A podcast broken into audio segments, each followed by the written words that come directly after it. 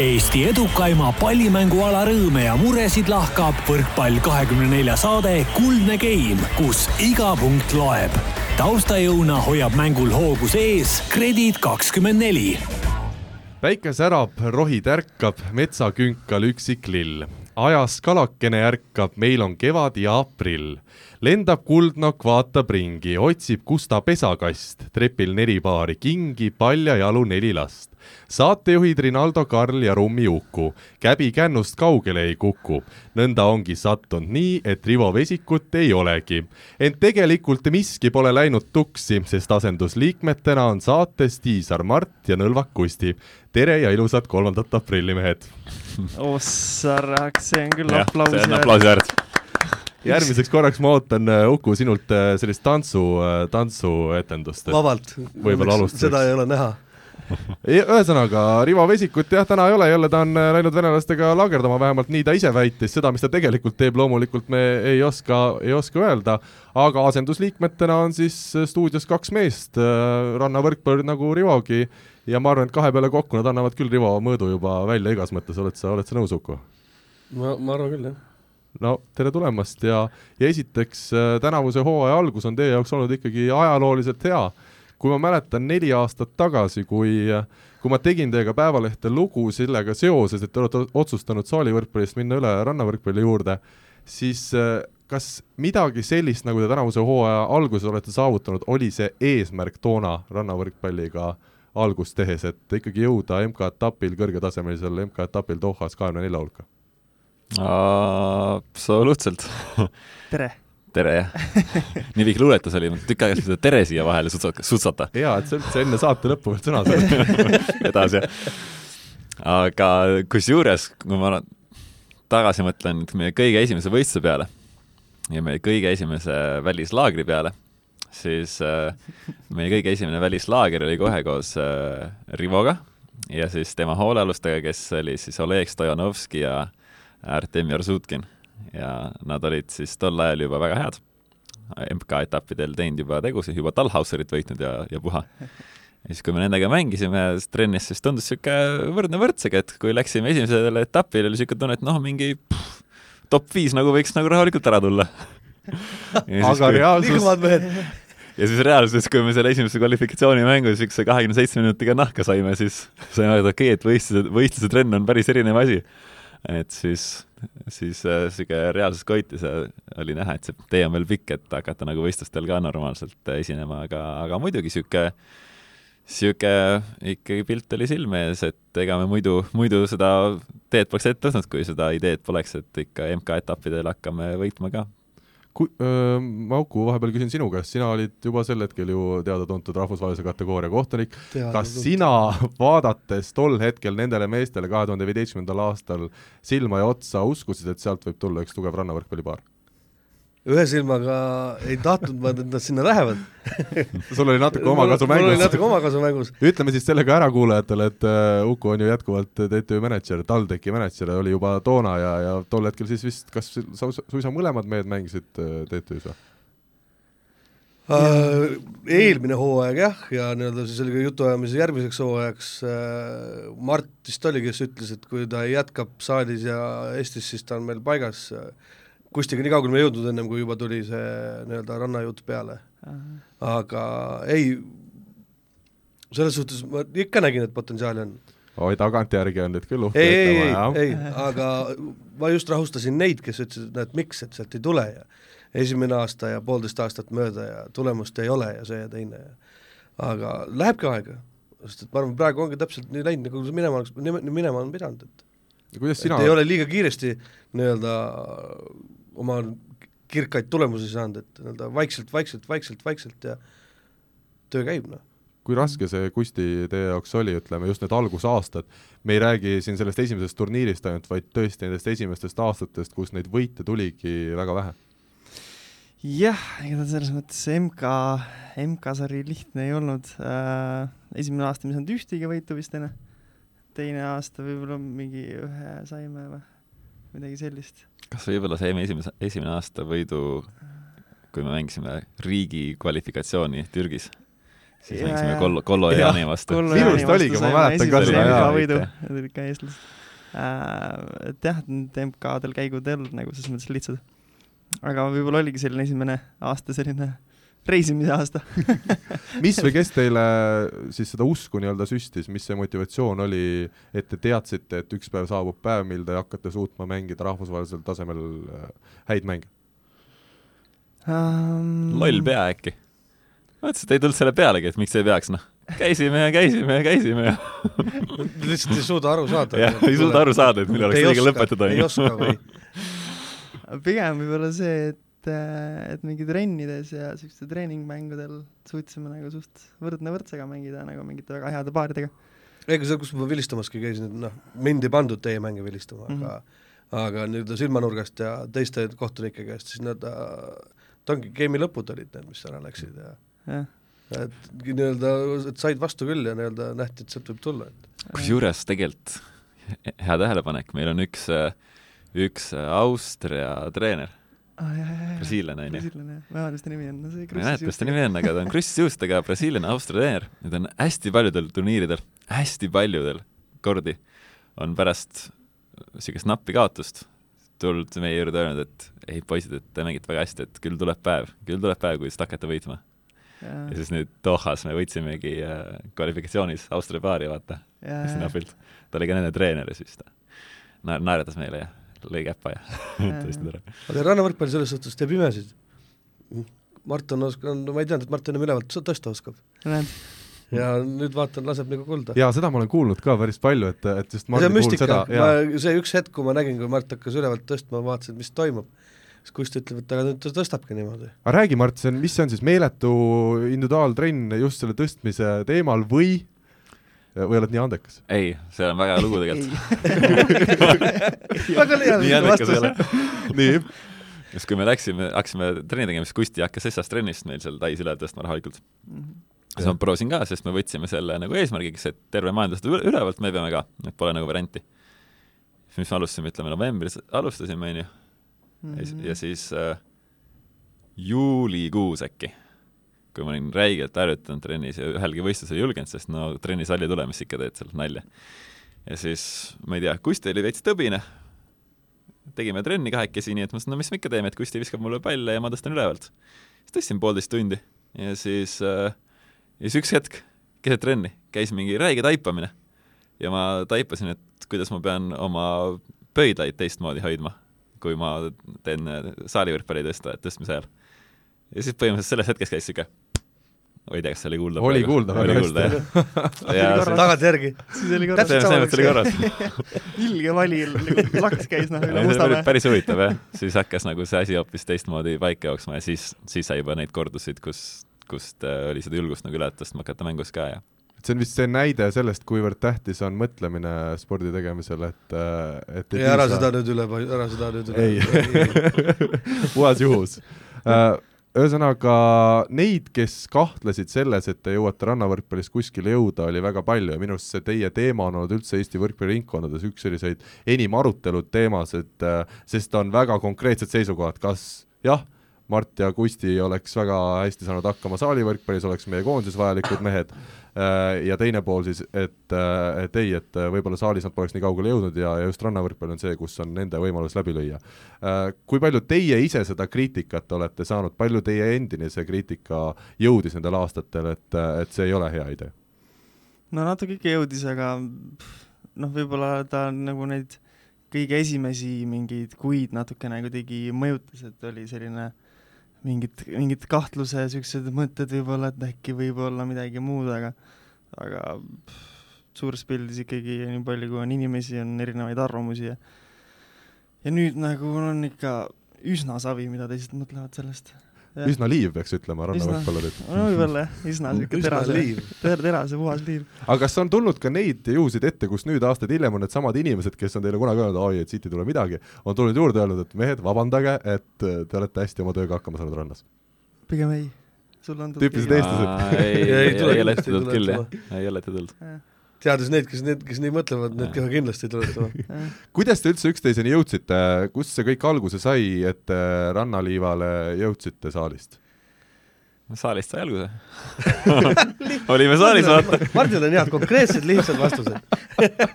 Ei, saalist sai. Kus te olite, kas te olite siis head sõbrad äh, sellel hetkel, et te hakkasite kõiki maailma asju arutama ja vaatasite, et rannast paistab päike ja no me olime mänginud mingi neli aastat koos TTÜ-s äkki ja siis ja. koondises olime koos äh, jagasime tuba ja. ja siis üks hetk hakkasime seal vaatama saalivõrkpalli asemel hakkasime rannavõrkpalli videosi vaatama Pärnus, seal Strandi hotellis. vanusevahe ka nagu kõige, kõige suurem ei ole? mis sa ütlesid Mardi kohta, tatikas või? Ühes artiklis. Mart on vanem. oota, teil oli hästi väike vahe, eks ole? Mart on üks päev vanem, jah. ja seda on näha ka jutust, et seal on ikkagi kogemusi ja elutarkust on hoopis rohkem. hoopis pikem ka. ühesõnaga, siin on siis koondise treeneritel ka natukene mõte ainult, et kui ei taha, et mehed läheks ära randa, siis pange kõik mehed elama eraldi tubadesse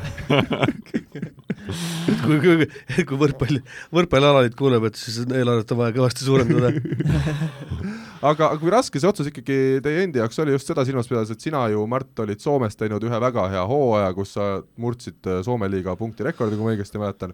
Kusti, keda siiamaani mehed ütlevad osad, et äh, oleks see mees saalis tõstmas, et oi, kuidas siis lööks palle hoopis paremini maha ja, ja Gert Toobali ühe siis mantlipärijana nähti või, või nähakse, ütleme nähti on vist minevikus ikka õigem öelda. just sind, et kui raske teil endale see otsus oli?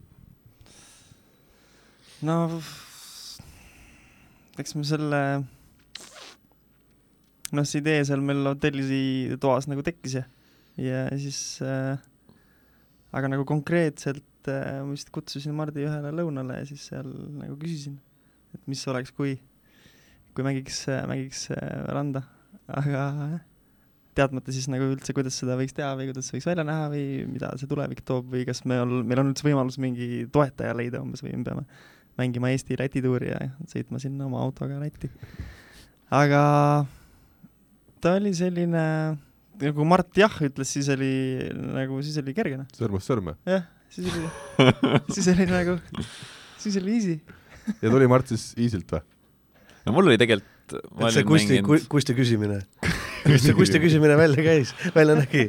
mul oli tegelikult väga suur üllatus, sest ma olin äh, noh, natukene suvel kõvasti rohkem mänginud randa kui Kusti olin ikkagi Vessaga palju suhelnud ja Vessa mind oli randa nagu meelitanud tegelikult juba tükk aega aga ma ei olnud seda väga tõsiselt võtnud, sest et ei olnud niisugust mingit konkreetset see oli Vessa, kes kutsus? see oli Vessa, kes kutsus jah, ma mõtlesin, et siin kaks, kaks plokki mängiti ikka koos.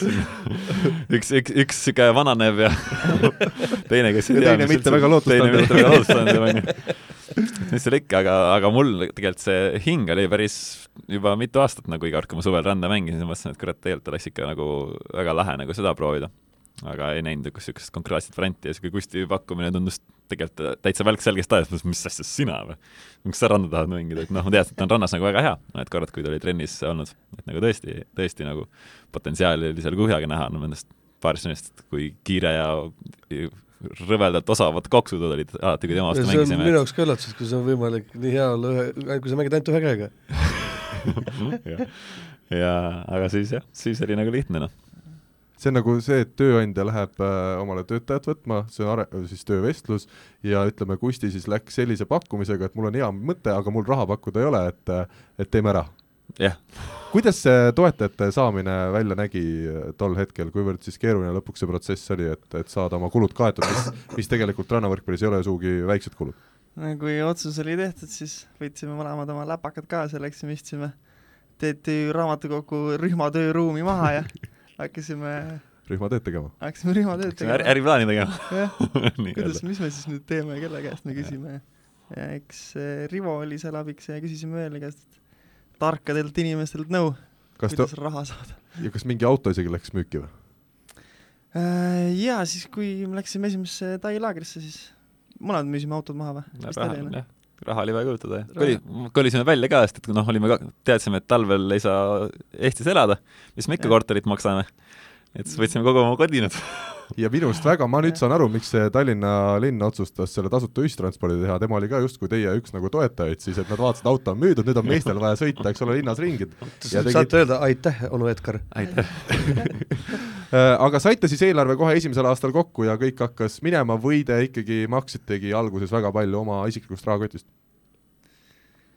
no raha sai ikka otsa küll üks hetk oma isiklikust rahakotist isegi nii, jah? selles suhtes aga aga ega ma täpselt ei mäletagi ega me ei teadnud, palju meil nagu minna võib, meil ei olnud niisugust asja, et nüüd on eelarve koos ja meil teab, me teame nagu palju meil kulub nüüd, aga noh, see on see, et Pole õrna aimugi, millistele turniiridele me peale saame ja siis on juba raske hinnata, et kuhu, kui palju sul kulub. rääkige nendest kogemustest, kui te läksitegi algusaastatel turniirile kaugele-kaugele, jõudsite kohale, ja siis tuli see treening ja sa räägid täpselt seda, ta oleks juba kümneid aastaid, algusaastaid. no aga ongi neljas aasta, neljas aasta, see oli, keegi ei uskunud, et nad nii kaua ju vastu peavad ometi, eks ole, Uku. algusaastad. ühesõnaga, jätkates, oota nüüd, Uku, nii, jätkates äh, läksite turniirile kohale, vaatasite turniiri tabelit, no teil oli üks vastane nüüd seal kvalifikatsioonis, mõtlesite, et nüüd läheb, siis tuligi see kakskümmend seitse minutit, teinekord null kaks ja tagasi koju. millised need kogemused olid ja mida need õpetasid? Äh, esimesi mänge oli suht niimoodi, et kui mäng sai läbi ja siis küsisin Mardi käest, mis siis nagu oli või kuidas nagu saaks paremini või et nagu kuidagi kokku võtta see mäng, siis nagu mõlemal puudus äh, mälestus mängust. Kaamera oli ka vähemalt kaasas. Ei olnud. Alguses Al. algusaastatel ei olnud. head ei olnud, nad oleks muidu vaadanud seda ja seda ei saa kuskilt võib-olla oleks see karjäär sinna jäänud et oligi noh, ootamatult lühike oli see mäng no ta ongi lühem kui saalimäng, aga aga jah, eks see niisugune pabine värk oli päris nagu korralik ja pärast äh, sisuliselt nagu olekski mida ainult game'i lõppe mänginud, noh. et siuksed mingi paar asja oli meeles ja siis ülejäänud oli lihtsalt kaos, noh, paanika, paanika kustutamine väljakul. mis see kõige erilisem mälestus on siis, kui kaugele sai reisitud üheks mänguks ja kui kaua ja ikka teises maailma otsas sai käidud vist? Üheks mänguks, eks me ikka oleme Florida. sõitnud Floridasse jah, pikalt. Siit sõitsime Austraaliast, Perthist sõitsime Floridasse üheks mänguks. Jah, oligi jah. Ja. enam pikemat otsa vist ei saa väga teha siis sõitsime, siis sõitsime tagasi Dohasse sealt. Ah,, kaheks mänguks. Tookord, aga jah, ei neid, neid selle lühikeste otste peal said kolm mängu kokku? jah aga millal tekkisid need esimesed nii-öelda siis õnnestumised, et äh, saite aru, et äh, me oleme õigel teel ja noh, ma saan aru, et te juba algusest peale te olite nii ullikesed, et te teadsite, et hakkab mingi hetk minema, aga et millal tekkisid need äh, konkreetsed momendid, kus te nägite, et jah, me oleme õigel teel ja meil ongi reaalne šanss jõuda maailma tasemele?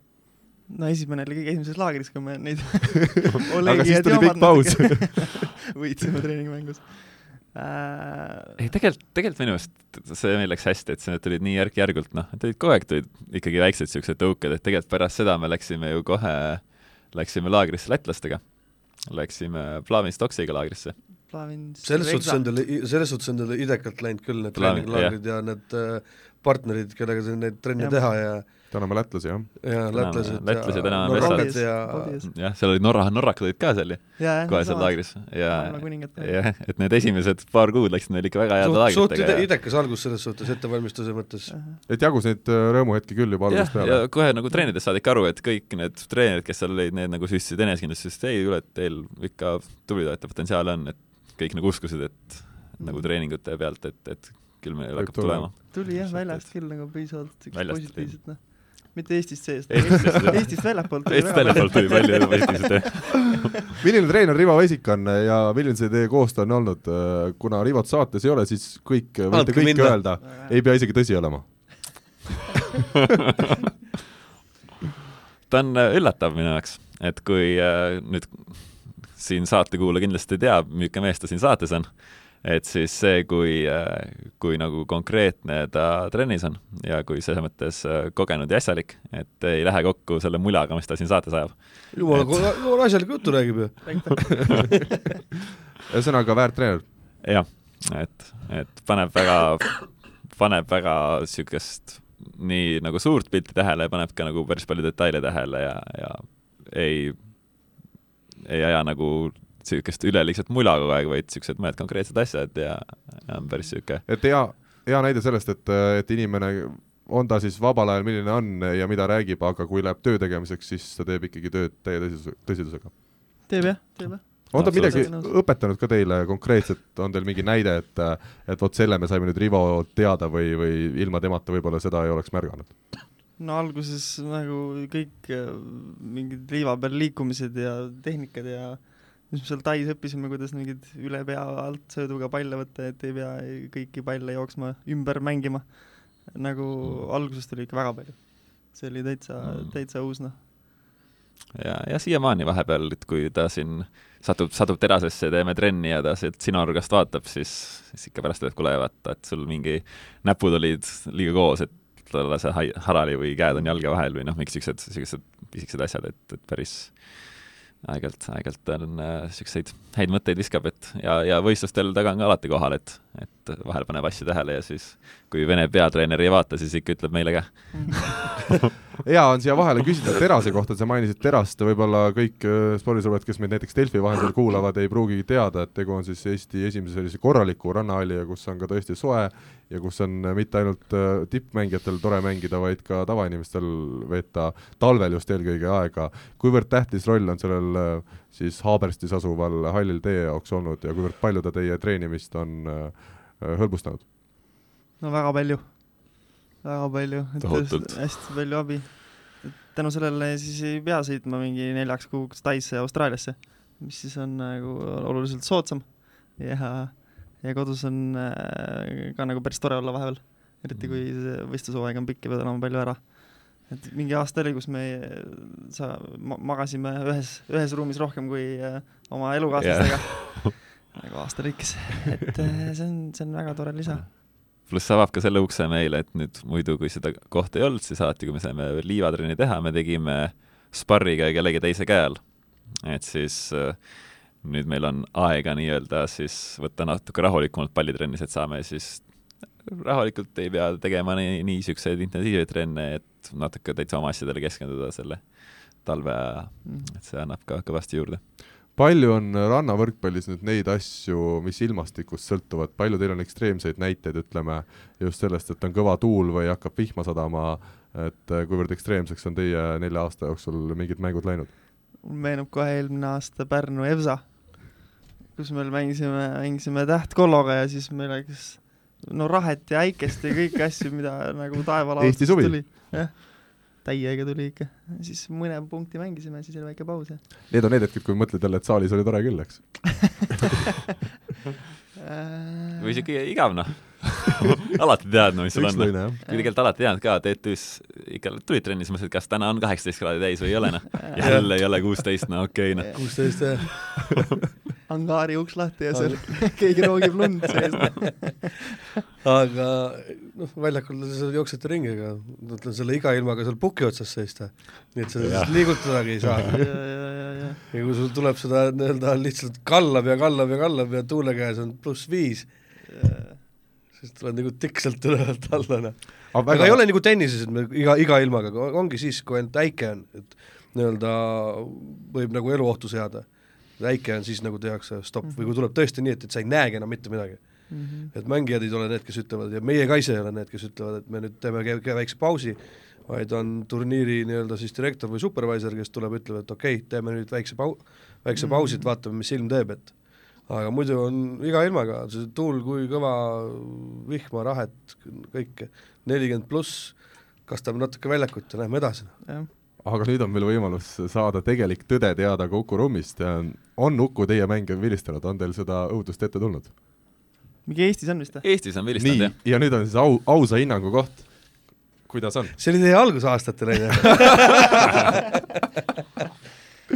see oli, see oli veel siis, kui Mart ülevalt ei tõstnud, jah? no jah. ei, jah, ei, sa oled ikka vilistanud mu mänge ka, kus ma olen tõstnud ülevalt minu meelest. ma ei tea. palju musti tõstleid siis? kindlasti ei, ei ole ei, no ei, ei ole midagi ette heita. mõne ikka on ära võtnud, mis ei olnud Kui... must. see on pigem hari-, harimise, harimise mõttes nagu. mulle tundub, et Uku on nii kaua on normaalne, nii kaua on normaalne kohtunik, kuni Urmas Piik platsi peal on, siis tundub, et siis teeb kõik valesti. jaa, Urmas oskab, oskab teha nagu sellise suure pildi, et nagu kohtunik on kogu aeg kõiges süüdi. selles suhtes on ta väga osav mees. siinkohal tervitused, tervitused Urmas Piigile. aga äh, räägime natukene nüüd äh, teie tänavusest hooajast siis ka, kas see hooaja hea algus kus see Doha MK-etapp, äh, lätlaste võitmine, äh, maailma teise paari võitmine, oli see siis teie enda jaoks ka nüüd selline selge samm edasi ja mille pealt see areng on äh, hooaja alguses tulnud? mäletan, kui me peale seda mängu istusime bussi maha vist või, ei, jalutasime äh, bussi peale väljakult ära, siis äh, Mart andis nukid mulle ja ütles, et tead, mis nüüd täna, tead, mis teeme nüüd või? ma ütlesin noh, nüüd tõuseme räigelt ära siis mõlemad naersime, et seda väga suure tõenäosusega ikkagi nagu ei juhtu. seega enam ei annagi rohkem ära tõusta, nad on kogu aeg siuksed ühesõnaga, kui tähtis see teie enda jaoks see hooaja algus on olnud ja kui, kui hea kõrvaltvaates tundub, et see arenguhüpe on olnud päris suur, kas te ise ka tunnete seda võrreldes eelmise aastaga? äh, platsil on olnud küll nagu rahulikum ja kindlam olla mm. Mhm. -hmm. et, et nüüd, nüüd on päris hea mälestus mängust, kui mäng lõpeb, et täpselt, täpselt on meeles, mis nagu toimus ja, ja mis me muutsime ja mis me tegime, et, et see ongi kindlasti, ma arvan, päris suur, päris suur vahe. mhm. aga see, aga see, noh, see on niisugune libe, libe tee nüüd äh, mõelda, et okei okay,, nüüd me võitsime ja nüüd me paneme räiged pinged endale peale, sest et tegelikult noh, nagu Kusti just kellelegi ütles, et seesama turniir algas niimoodi, et mängisime austerlaste vastu kvalifikatsiooni esimese mängu, kus austerlastel oli matšpall ja Kusti tegi niisugune, niisuguse koksu, mis, mis äh, siis veeres võrgu peal ja kukkus nende poole maha. ja siis noh, oleks võinud sama hästi teisele poole kukkuda, oleks ja täna teid saates ilmselt ei oleks. seda nüüd saati oleks, onju. et siis, siis edasi tulid nagu rankingu mõttes tugevamad vastased, onju, aga, aga tegelikult see olukord on seal nii tihe praegu, et, et see nüüd, kuidas edasi läheb, et iga mäng, üks mäng korraga kogu aeg, et võime, võib minna nii, et võidame jälle kohe väga tugevad vastased, võime saada sajandalt paarilt lutti kuskil, et see on täitsa väheses kinni. vähe, väga väheses kinni. hästi üstlane on jah. mis on teie suurim tugevus ja kõige suurem nõrkus praegu võrreldes maailma tippudega, oskate te midagi oma mängust välja tuua või, või kas või vaimset poolt? Hmm. Tugevusi ei ole, see on selge, aga ma mõtlen just, et okei, otsibki jah. räägime siis nõrkustest. okei, nõrkus on raske nagu kõikidest välja siis kust alustada? on mingid konkreetsed asjad, mille kallal te kindlasti peate tööd veel nägema? no meil side out ehk siis servi vastuvõtust rünnak võiks olla kindlamini. et see on see koht, kust äh, saab nagu äh,, saab selle kindluse, saab nagu mänge võita, noh, kui see on sul niisugune stabiilne ja sa lööd neid palle järjest ära ja siis, siis on, siis on nagu varianti, noh, kui seda, kui see on hapu, siis on ikkagi väga raske võita, noh, siis pead ikka mingi noh, Mart on pannud siin mingi kaksteist plokki panna, panema game'is, et siis on, siis saab ilma, ilma enda side out itega aga see on see, see on see koht. aga tugevused? no kindlasti midagi on.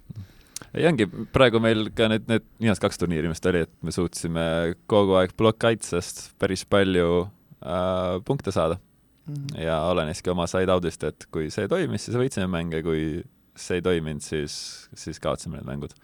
küsin nüüd ühe Aga- rumala küsimuse, mida võib-olla tavainimene tahab teada saada, kuna Mart on selgelt pikem kui äh, Kusti, siis äh, kas tähendab seda, et Mart käib üksinda plokis või äh, vahetate te ka mingil hetkel või? et teinekord käivad kahekesi ja. kahekesi. ühe korra oleme kaheksakümmend plokis. mis siis juhtus? ei saanud punktist siis. kerge vaevaga said vastu, et punkti võib öelda. ühesõnaga läks sassi midagi või? mõlemad olime seal võrgu all jah. seda, seda juhtub tegelikult vahel juhtub jah. na, na, naerda küll, aga seda juhtub pea iga turniir kellelgi. Mm. aga, aga muidu, kuidas see jaotus on siis plokis käimisel? no mina käin ikka pigem väga harva. pigem on Mart seal üksinda Mhm. kolitab ja ma jooksen taga. aga aga, aga kui on, on olnud küll mingid siuksed äh, nagu hästi, hästi mingid kuumad ilmad või sellised, kus on nagu sihuke füüsiline keha väsib väga ära, et siis, siis oleme teinud ka vahetusi ja on Mm. ka nagu õnnestunud noh, vahepeal. aga vaidlete või tülli ka lähete vahel või? no mis defineeri tüli? noh, ma ei, ossa jumal, Ei ole sõna. ei no kaval küsimusele vastan ja, küsimusele. ja, ja ma jäin kohe hätta, vaata. ma, mina Ei vastata ole ei, ei oska. no on mingeid lahkhelisid teil või, või te olete, saategi omavahel nii hästi läbi, te olete sellised tüübid, kes ei oska üksteisega tülli minna? meil äh, nagu sa mõtled mingid, mingit äh, nõude loopimist ja mingit äh, no sellist- väljakul nõusid ei ole, aga jah, füüsilist vägivalda meil omavahel ei ole. vastastega ei ole tülli läinud või? ei ole. kellegagi ei lähe. vana hea Kusti on kadunud siis täiesti ära või? vana, vana hea. seda ei ole, seda ei ole enam kuskilt näha, jah. seda ei ole kuskilt näha või? et Ojametsa alustatud äh, kirja kirjutamine kustutas Kusti täitsa ära või? on jah, on siuke asi. seal, seal ei jaksa ju, oota, ma räägin selle, rannavõrkpallis sa ei Jah, jaksa ju. Sa ei jaksa. okei okay,, aga räägime tänasest, tänavusest hooajast veel, mis teie järgmine turniir nüüd ees on ootamas äh, ja millal see saabub? Kuala Lumpur, äh, kolmkümmend aprill või esimene mai. Hakkab pihta. kolm tärni. Ja siis, äh, ja siis läheb edasi. täpselt veel ei tea, kas lähme Brasiiliasse või Hiina või Türki või Tšehhi või, aga mai lõpus kõik need seal on järjest, et, et midagi sealt valime.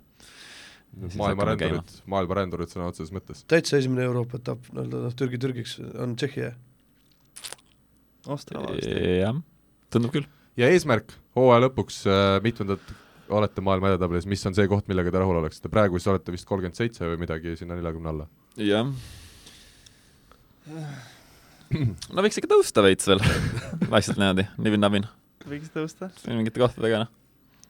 kolm, kolmkümmend. ma arvan tegelikult vist sellised koha, koht kohaks, et saaks, saaks nagu nii stabiilselt, et oleks nagu kogu aeg põhiturniiril. jah ja.. tegelikult võiks viiele tärnile peale saada, vaat see oleks kõva sõna see oleks pull, jah? see oleks pull. sest tegelikult noh, Dohad oligi taseme mõttes oligi täitsa viis tärni, kõik samad need olid, olid kohal mm. -hmm. kogu aga... maailm on paremik, noh, kõvem tase kui olümpial.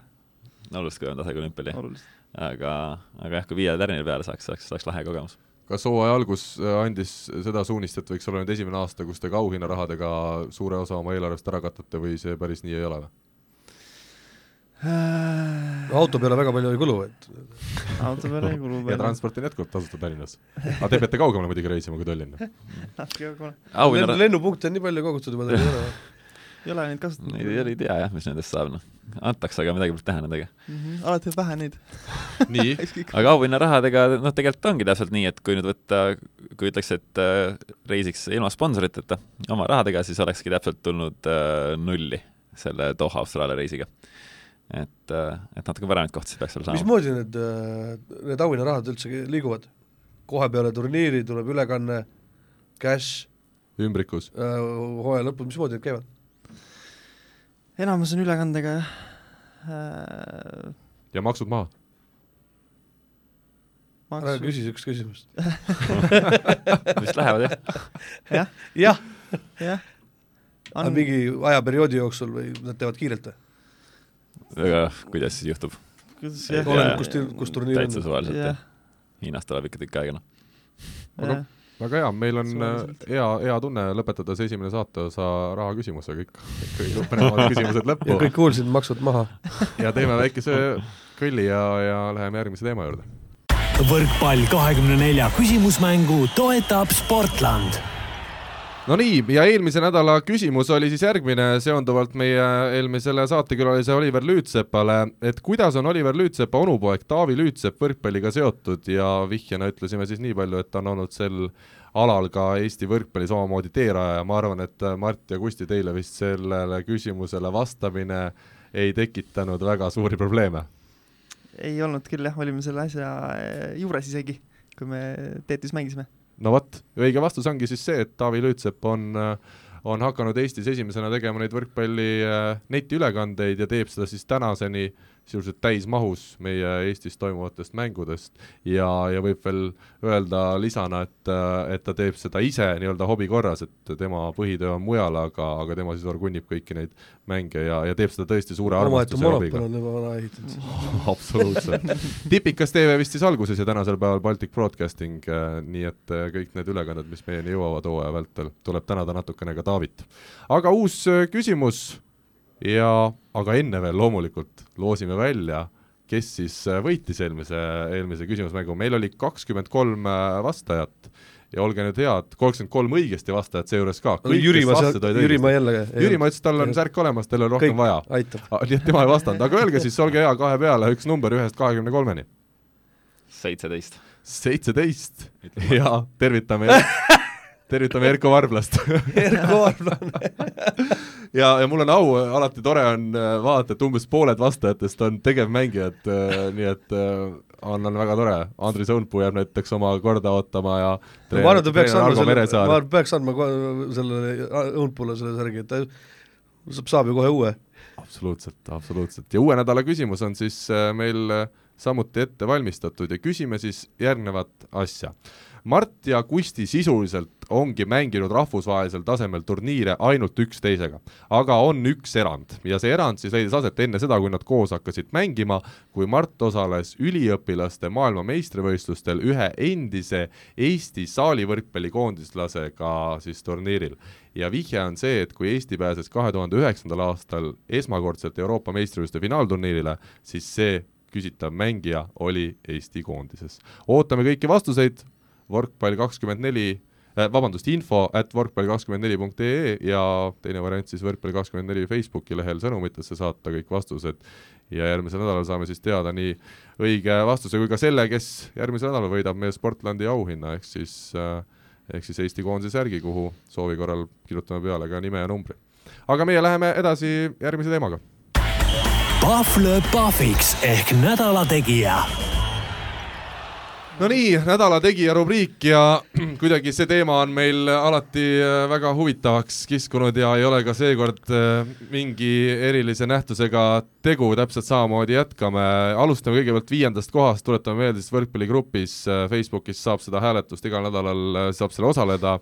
Ja, ja viies koht siis CEF Cupil hõbemedali kaela saanud Oliver Venno viie häälega neljas koht Eesti meistrivõistluste poolfinaalseeria avamängus naistel siis hiilgava mängu teinud Tartu Ülikool äh, Bigbanki temporündaja Renate Pikk kuus häält, äh, siis kolmas koht Itaalia esiliigas kaheksa plokipunkti toonud Henri Treial seitsme häälega, teine koht Eesti U seitseteist koondise treenerina Lätis toimunud turniiril esikoha saanud Argo Meresaar, tervitame Argot veel kord, ja võitja siis ülekaalukalt saja üheteist häälega Andrus Raadik.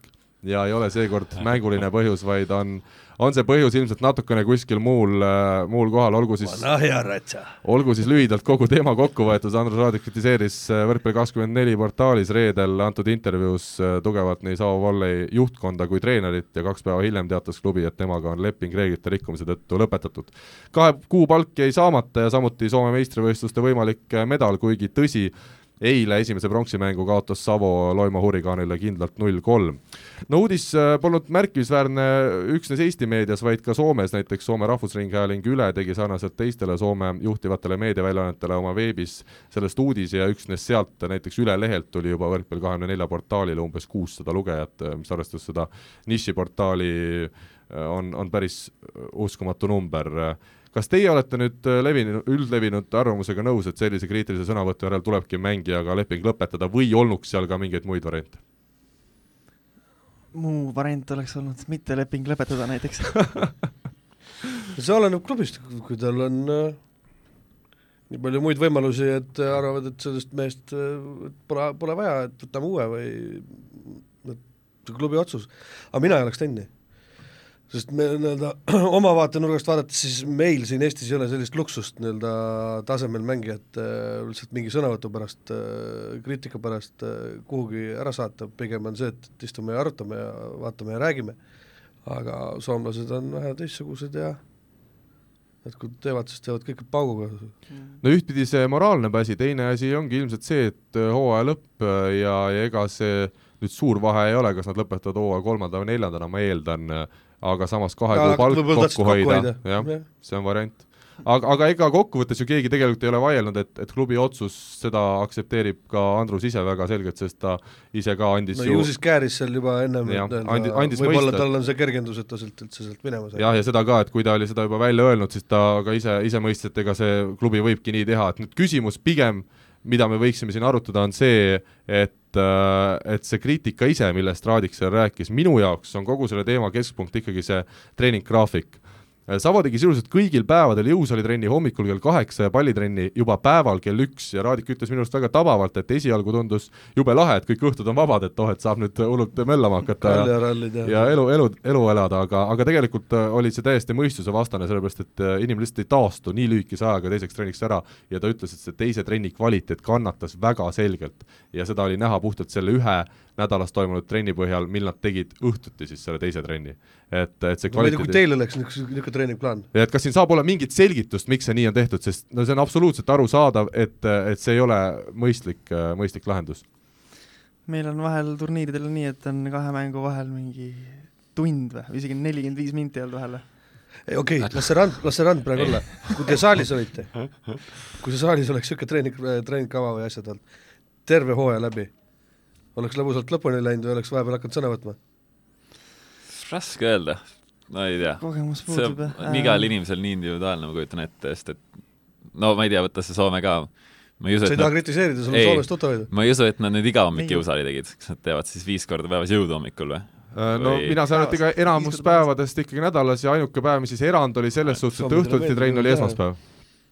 et jah, et see on niisugune natukene ekstreemne küll, et, et mõnele võib-olla see üldse ei sobi jah, et niisugune nagu mingi, nagu mingi eile maitsesin äh, kaubanduskeskusest vorstipasteeti, et kellele väga meeldib, kes vihkab, onju.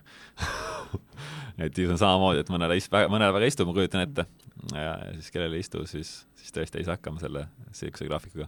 nagu oligi, kui me olime noh, turniiril samamoodi ja et on, ongi tund aega sul kahe mängu vahe, siis alguses tundus nagu õudne, aga või siis olime näiteks lätlastega laagris, noh samamoodi tegime. no tegid samamoodi iga päev, noh. kaks tundi oli kahe trenni vahel ja olid väga intensiivsed mõlemad trennid.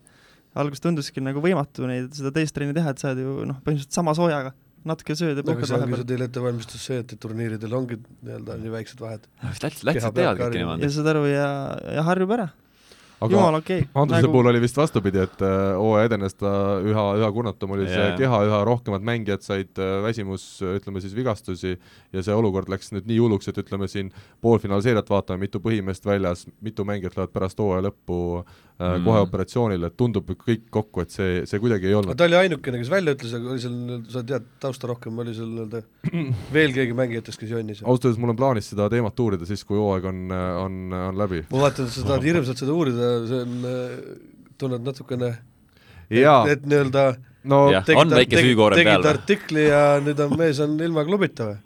Jaa, väga hea, no alustame siis kõige algusest, miks ma üldse loo tegin enne pronksi seeriat, enne hooaja lõppu.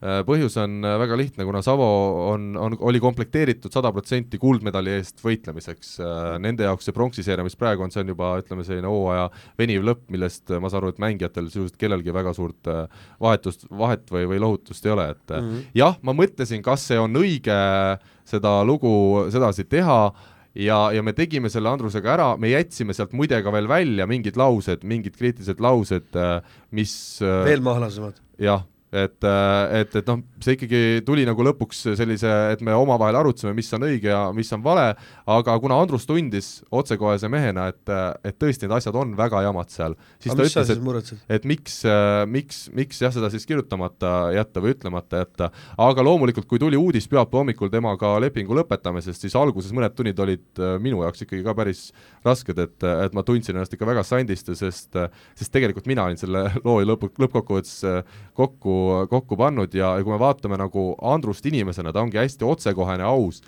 ja kui ma vaatan ennast, siis ma esialgu võrkpalli kahekümne neljas olen võrk, aus. olen aus ka, olen võrkpallisõber ja teiseks ma alles pean ennast võrkpalliajakirjanikuks, et minu roll või see õppetund on ka see, et ma pean äh, aru saama, kui mängija ütleb liiga palju, et minu ülesanne oleks olnud öeldagi Andrusele, et kuule, et võtame selle asja veel maha või et avaldame selle pärast äh, hooaja lõppu. sa ei tea, mis, äh, mida, mis, kui ekstreemseks need äh, klubijuhid seal lähevad. just selles ongi asi, et ma ei ose-, oleks oodanud oodata. see on väga erand, on see sealt, mis, mismoodi see asi Sanomat tõlgivad äh, ilma minult muidu lube, luba küsimata täispikkusest selle loo ja, ja nad juba on selle maksnud ka kusjuures tagantjärele okay. ja kõvasti vabandanud, et nad nii tegid, aga noh, see on väga väike asi kõige selle muu kõrval et nad tõlgivad selle ära ja et see noh, nii suureks äh, läheb, aga see on väga kõva õppetund, sest võtame kas või kõrvale Rene Teppani, kes on ka väga otsekohese ja ausa ütlemisega mees. et äh, ka tema on tihti rääkinud väga otsekoheseid asju mulle, aga, aga ma olen ka need äh, nii-öelda selekteerinud siis mingid asjad välja, et mõelda nüüd, kui näiteks Teppan, sama olukord oleks juhtunud Poola tippklubis Belhatovis Klaased oleks lahti saanud, et noh, siis see tunne oleks mul ilmselt veel kümme korda raskem olnud, et ma saan täiesti aru, et, et ka minu roll on natukene äh, natukene otsustada, mida Andrus, ja kuidas kirja paneme. siis saad aru, kümme korda oled kehvem mees. Peep on kümme korda kõvem vend kui sina, Karl ütles. vähemalt kümme kuulete, kus vesi voolab Karlile pähe praegu. Õnneks Andrus äh, on tulemas ka saatesse, tal on oma sõna võimalik äh, tulevikus kindlasti vastu öelda sellele kümmekordsele vahele nii et jah, kokkuvõttes selline, ütleme, huvitav, huvitav olukord kõigile osapooltele, aga jah, Andrus jälle endale omaselt ei hakanud siin midagi kahetsema, vaid jäi oma sõnadele kindlaks. ta ongi niisugust tüüpi. ja elu läheb edasi. ja ma arvan, et sa ei pea ka muretsema millegi pärast. ja elu läheb edasi, kokkuvõttes on see sõnum vist. võib-olla tegid talle niisuguse teene, noh et koondis, koondise mees saab vabalt hingata, saab puhata natukene. tervist korda. Eesti võrkpallile kasulik võib-olla. ma arvan, et ega tal ei olnud lepingus, ma arvan, seal lepingus olid seal teisigi punkte sees, et ega ta sealt nulliga ära ei tulnud nii-öelda noh, jah, seda nii täpselt ma ei oskagi öelda, aga, aga ühesõnaga selline, selline asi siis ka Eesti võrkpallis nüüd juhtunud. meie võtame selle teema osa kokku ja läheme järgmise juurde.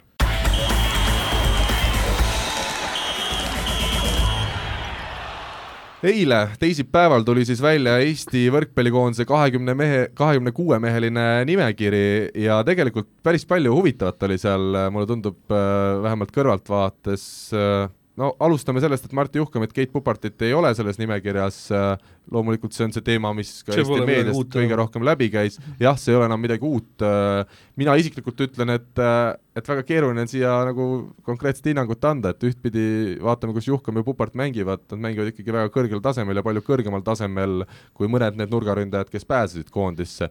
teisalt ei Juhkam ega Pupart ei teinud tegelikult väga head hooaega, Pupart eriti oli ju väga suure hooajast ka, osa hooajast ka varumeeste pingil ja kui me nüüd mõtleme puhtalt seda, et noored mängijad, Kretsu juba mõtleb tulevikule, vähemalt nii ta põhjendab, et siis, siis mingis mõttes on ka see arusaadav, kuidas, kuidas teile see kogu äh, teema tundub? mina väga palju pikalt üldse ei istuks ega võtakski seda Pupartit ja Juhkamit äh,. iga aasta on sama jutt olnud äh,, Raadik Kollo on olemas, kes on hakkama saanud äh, äh millegipärast äh, Tamme on ka veel seal, nii et äh, nii-öelda ka kogenud mees, küll ta ka seal nii-öelda suudab oma asjad ära teha, et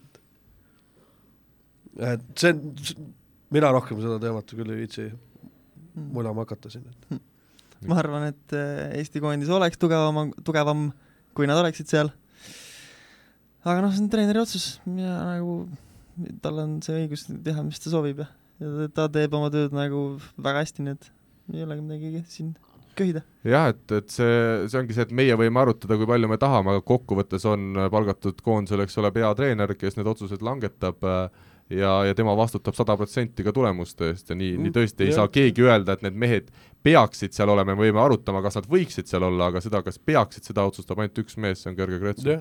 aga, aga lihtsalt minule lihtsalt võib-olla natuke see, et kui eelmine aasta rääkisid Juhkami ja Kretsu ja ja, ja siis nagu jäi küll mulje sellest äh, omavahelisest vestlusest, et, et Juhkam ei võiks see aasta koondises olla ja Juhkam ka ise ütles välja, et tema oleks olnud valmis tulema koondisse tänavusel aastal, et siis jah, minul no, tema puhul me ei tea, võib-olla nad on praegu ka rääkinud omavahel. ei ole?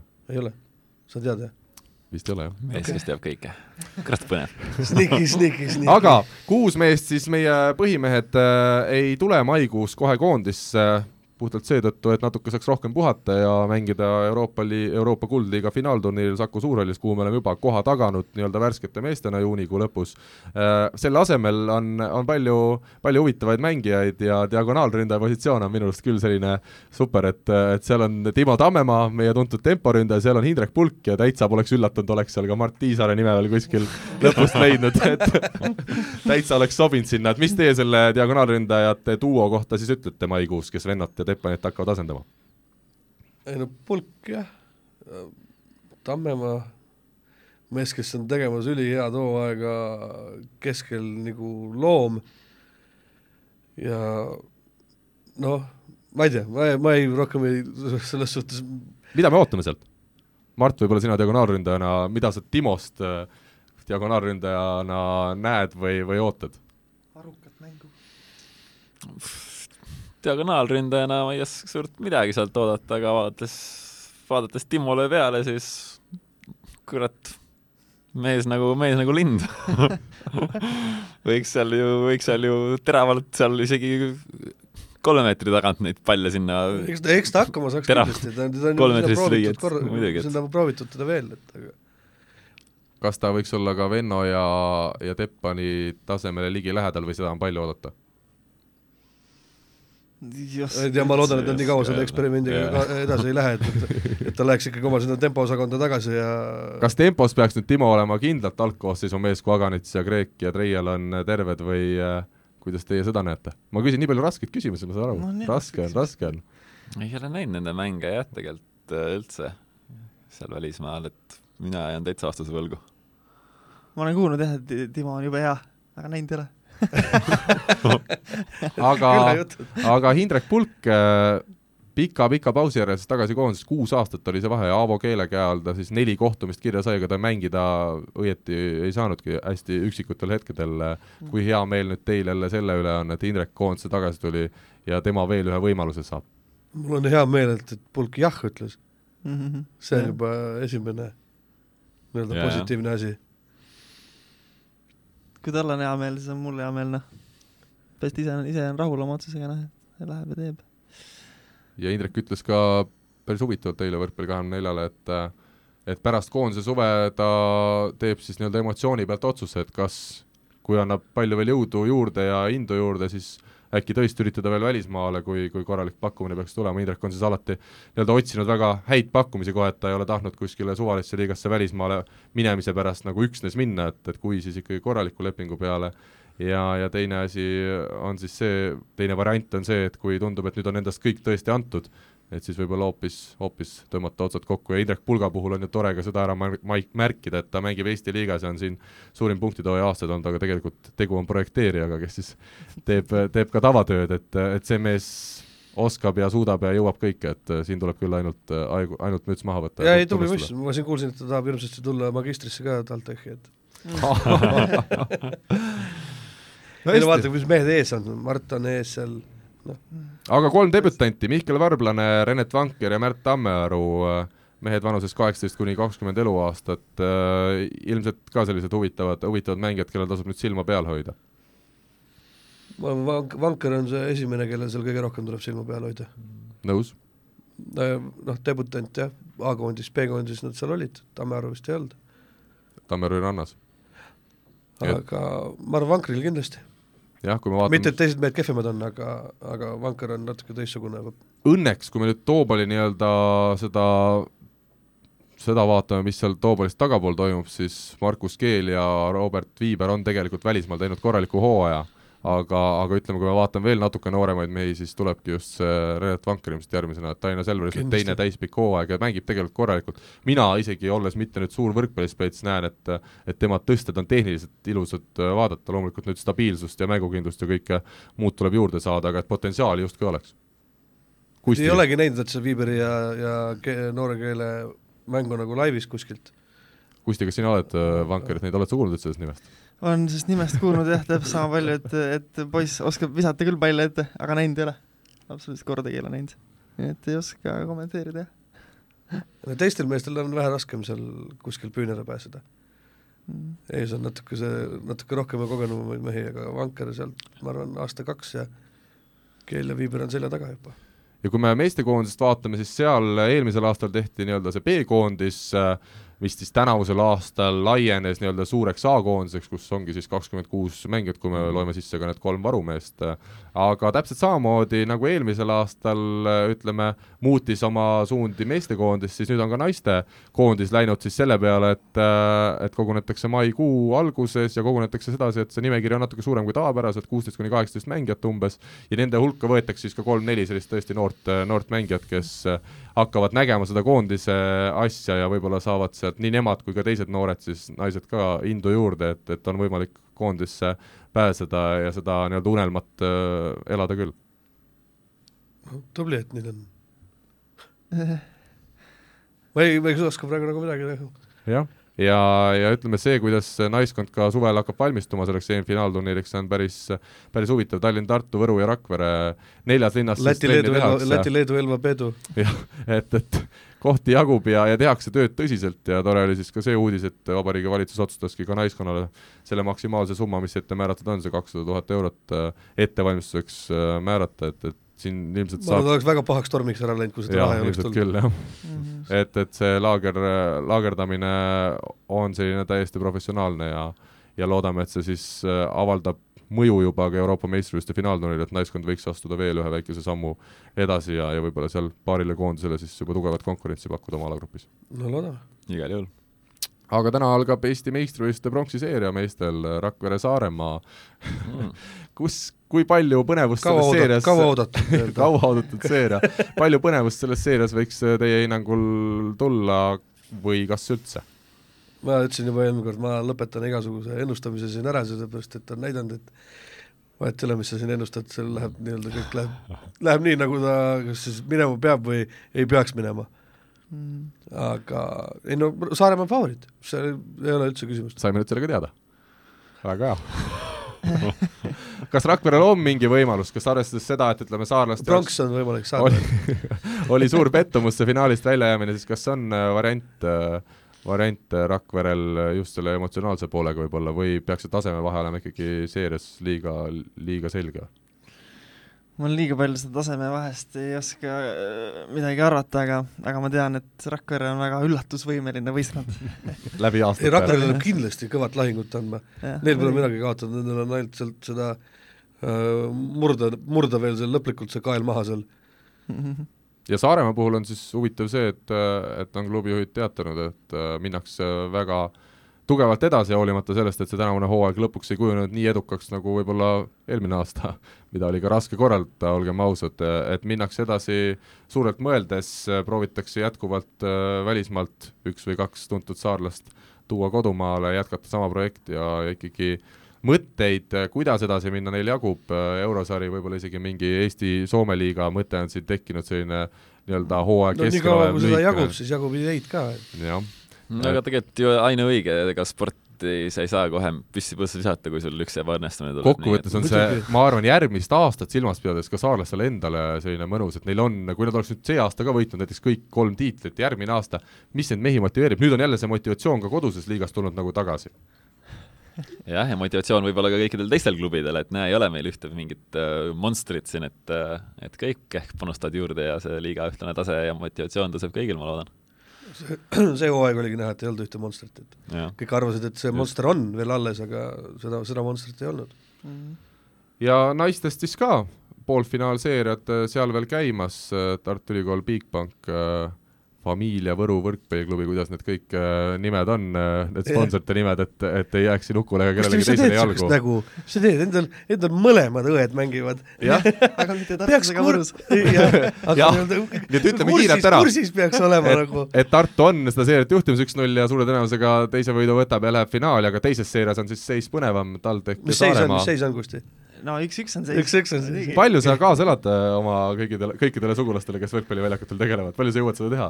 Äh, defineeri kaaselamine ma loodan, et neil läheb hästi ja mul on hea meel, kui nad nagu tunnevad ennast hästi ja, ja, ja, ja naudivad mängimist. sul on seitse vend-õde, kas äh, sa tead üldse, on sul kõikide nimesid ei, ei, ei, Jaa, kus nad mängivad antud hooajal? jah, seal TalTechis on enamus.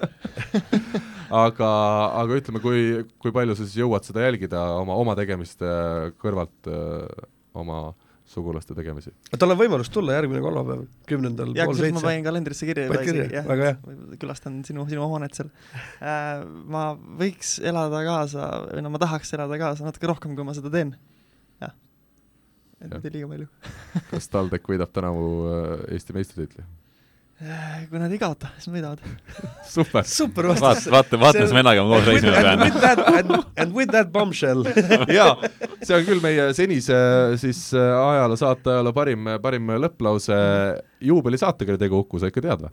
ma torti ei näinud küll ja šampust, aga viies jah aga mis see, mis see on, siuke juudikas ju. mm. -hmm. e- esikümnes on iga saade juubel ju. jah, see on nagu, ongi alati põhjust nagu beebi, iga kuu peaks midagi olema. Aga ühesõnaga, suur tänu Kustile ja Mardile, ma arvan, et te aitasite ja täitsite selle Rivo koha kenasti ära.